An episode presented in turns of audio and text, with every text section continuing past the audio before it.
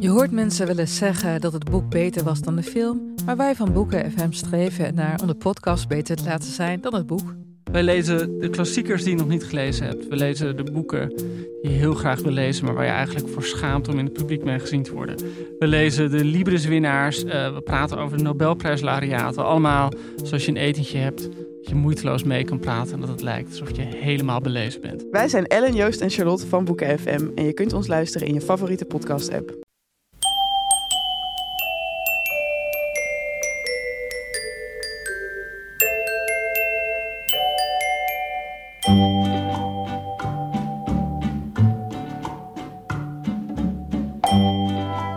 Welkom bij aflevering 182 van de Echt Gebeurd podcast.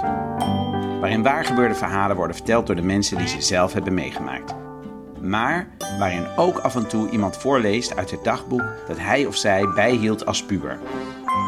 In deze aflevering het puberdagboek van Raoul de Jong.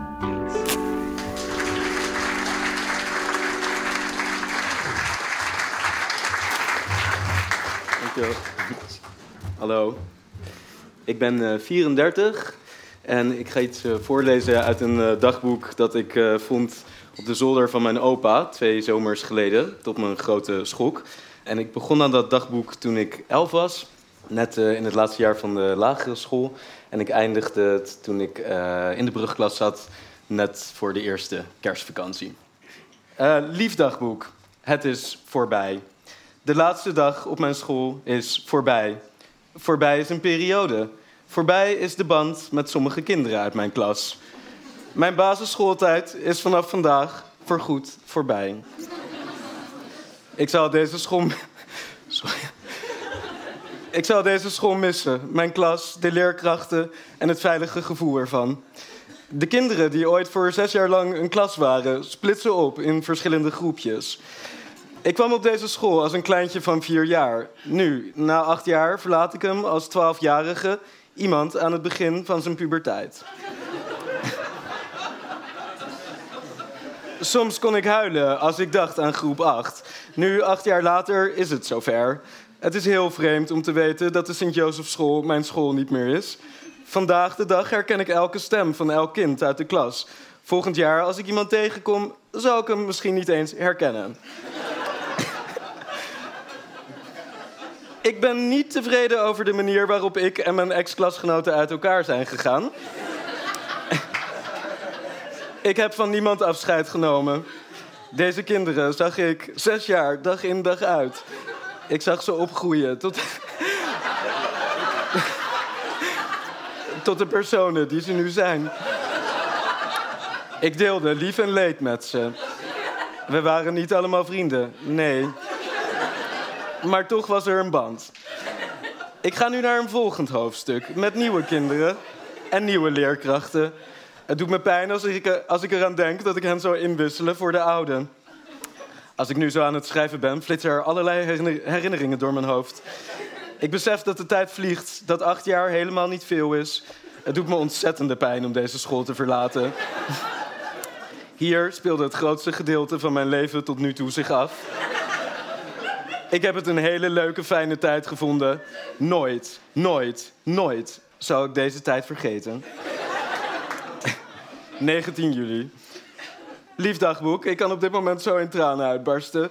Ik voel me heel onzeker en ik geloof dat ik op dit moment niet zo gelukkig ben. Ik doe me wel vrolijk voor, soms ben ik ook vrolijk, maar van binnen gebeurt er van alles. Ik ben geloof ik aan het veranderen. Ik ben niet meer dat vrolijke jongetje van vroeger. Ik kan het wel blijven spelen, maar ik word ouder. ik ben bezig met seks, et cetera. Allerlei dingen hopen zich op. Het verlaten van mijn school, wat niemand uit mijn ex-klas ervaart zoals ik. De toekomst op mijn volgende school, wat staat me te wachten? Met wat voor kinderen kom ik in de klas? Ben ik wel goed voorbereid?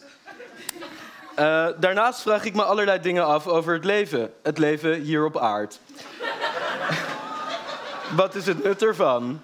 Hoe moet het verder als we zo door blijven gaan zoals nu? Zou er over 50 jaar nog wel één tropisch regenwoud zijn? Het voedsel raakt op. Er komt een watertekort. Het wordt steeds heter. Het is zo ingewikkeld allemaal. Zo onverklaarbaar. En toch, dan zit ik hier op het balkon, kijk naar de donkerblauwe hemel, voel de wind en zie de bomen. Er lijkt toch nog wel hoop in de zaak te zitten. Hier vergeet ik even al het geweld en alle discriminatie. Hier kom ik even helemaal tot mezelf. Lief dagboek. Vandaag ben ik voor de allereerste dag naar school gegaan. Vanochtend was ik ziek van de zenuwen. Toen ik aankwam moest ik opzoeken in welke uh, groep ik zat en waarnaar die groep moest.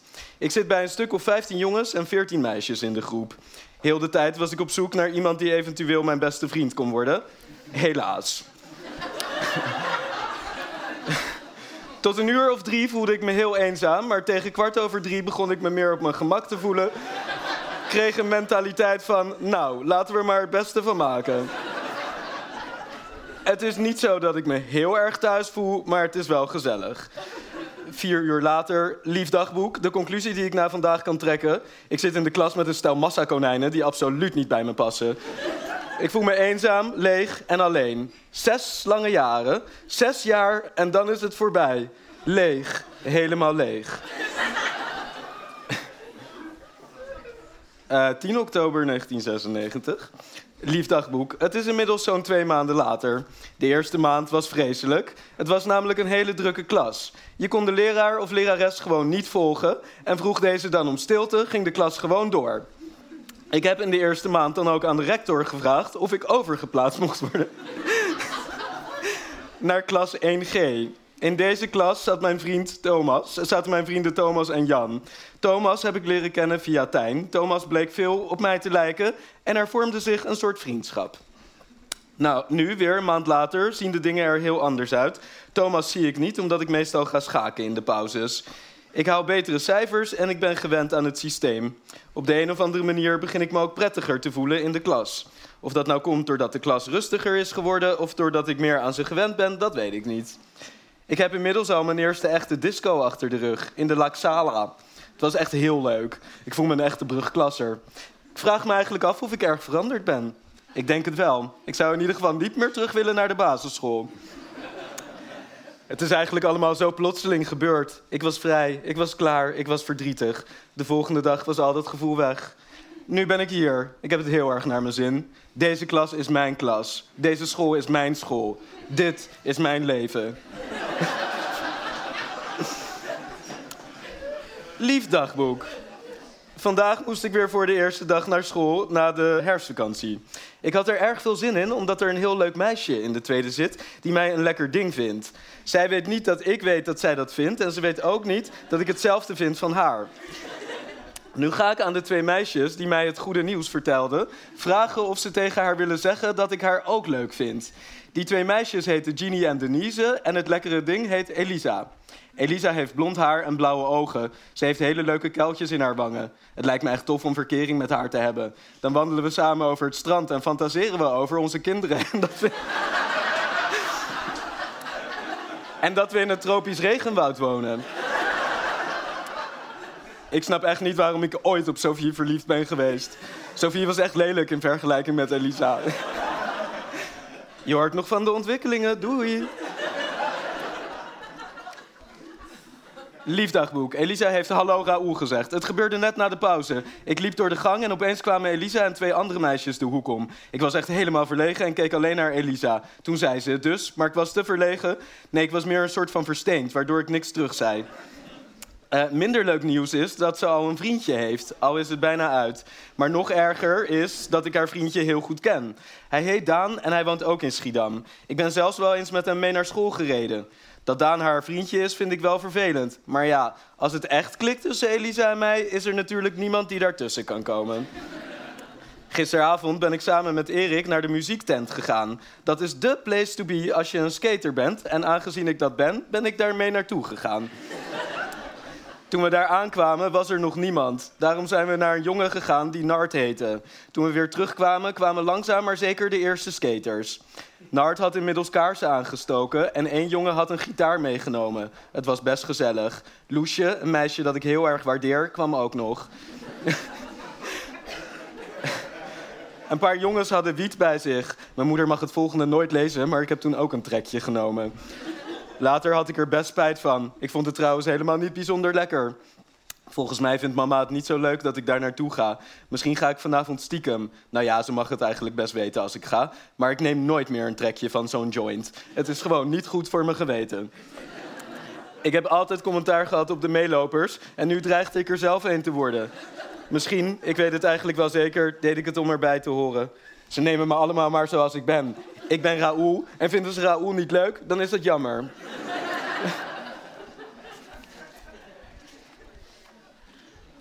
Liefdagboek. Elisa heeft een nieuwe jas met zwart krulletjes haar. Ze heeft hem gekocht omdat hij past bij mijn haar. Leuk hè?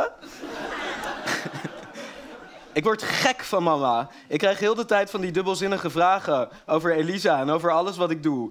Ze zegt dat ze bang is dat mijn hele wereld om Elisa draait. Ze is bang dat ik dezelfde dingen fout doe als die zij fout heeft gedaan. Dit bleek toen ik boos werd na weer eens een dubbelzinnige vraag. Ik merk dat ik heel erg oppas met wat ik tegen haar zeg. Ik merk dat onze band niet meer hetzelfde is als vroeger. We beginnen uit elkaar te groeien. Wat zeikt ze nou? Ik ben alleen maar verliefd. Waarom kan ze niet gewoon blij voor me zijn? Misschien draait mijn hele wereld om Elisa. En misschien denk ik wel de hele tijd aan haar. Maar dat geeft toch niks? Het gaat vanzelf wel weer over. Voor mij is het geen probleem hoor. Maar door haar geniet ik helemaal niet meer van Elisa enzovoort. Ze zorgt er alleen maar voor dat ik voortdurend op mijn tenen loop. Jezus zeg, ik ben gewoon verliefd. Is dat zo erg? De volgende keer dat ik verliefd word, hou ik het helemaal voor mezelf. Ik heb er spijt van dat ik zo eerlijk ben geweest. Door het gesprek daarnet ben ik opeens veel minder verliefd. Annetta bereikt met haar gezeur alleen maar tegenovergestelde van wat ze wil bereiken. Is ze nu tevreden? Tot vandaag vond ik het wel grappig als we een woordenwisseling hadden. Dan dacht ik, goh, ik ga puberen. Maar nu voel ik me echt ontzettend down. Dat is de laatste. Lief dagboek, dit is de laatste dag dat ik in je schrijf. De laatste dag van een periode die begon op 14 juli 1995. uh, dat was de dag dat ik me afvroeg of het me ooit zou lukken om dit dagboek vol te krijgen. Dat was de dag dat ik onzeker een nietsbetekenend oud schrift... Dat, dat tot dan toe als logopedie-schrift had gediend... uit de kast viste met de bedoeling er een dagboek van te maken. Het is me gelukt. In deze anderhalf jaar heb ik van dit schrift een dagboek gemaakt.